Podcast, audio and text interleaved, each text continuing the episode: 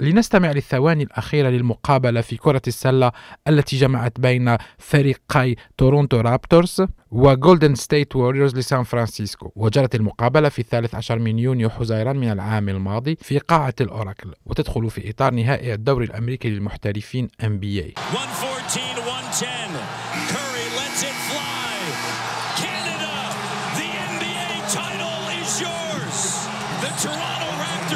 114-110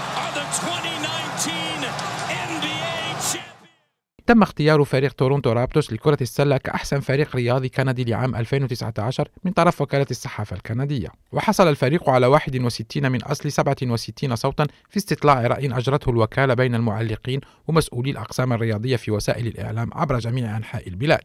ويقول فيل كينج مسؤول القسم الرياضي في جريدة جلوب اند ميل كل كندا كانت تساند الرابتورز لقد تجمع أكثر من مليون شخص في وسط مدينة تورونتو.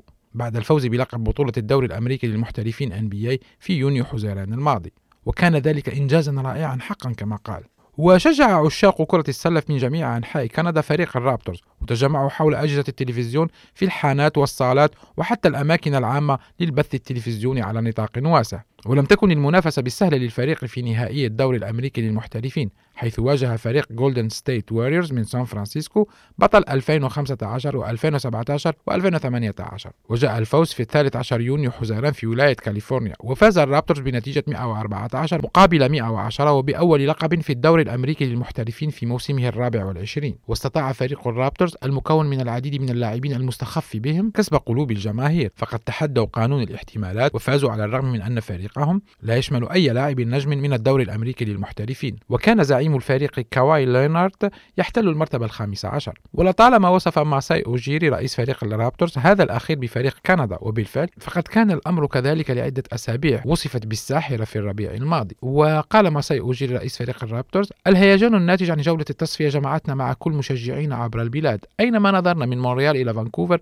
كان هناك مشجعون. وأضاف لقد قلناها دائما إنه فريق وبلد وإذا تمكنا من الجمع بين جميع العناصر ونجحنا فسيكون الدعم واسع النطاق. ولقد رأينا ذلك يتحقق. وللإشارة فإن فريق الرابترز هو أول فريق كندي يفوز ببطولة في واحدة من أكبر أربع الرابطات في أمريكا الشمالية منذ فوز فريق تورونتو بلو جايز لكرة القاعدة في عامي 1992 و 1993 وفي سياق تعيين أحسن الفرق الرياضية لعام 2019 احتل الفريق الكندي الذي شارك المباراة النهائية في كأس ديفيس لكرة المضرب المرتبة الثانية بخمس أصوات. واحتلت ميليسا هيومانا باريدس وسارة بافان الحاصلتان على الميدالية الذهبية في بطولة العالم للكرة الطائرة الشاطئية المركز الثالث بصوت واحد. وفي عام 2018 حصل البطلان الأولمبيين في الرقص على الجليد تيسا فيرتيو وسكوت موير على لقب أحسن فريق رياضي كندي. وفي عام 2017 حصل على اللقب نفسه فريق كرة السلة الكندي الذي فاز بكأس العالم تحت سن التاسعة عشر. وفازت نجمة التنس بيانكا أندريشكو بجائزة بوبي روزنفيلد 2019 والتي تقدمها وكالة الصحافة الكندية لأحسن رياضية في كندا. وحصل مايكل كينغسبيري بطل التزلج القطبي على جائزة أحسن رياضي للسنة الثانية على التوالي.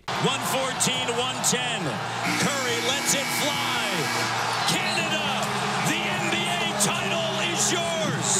The Toronto Raptors are the 29th.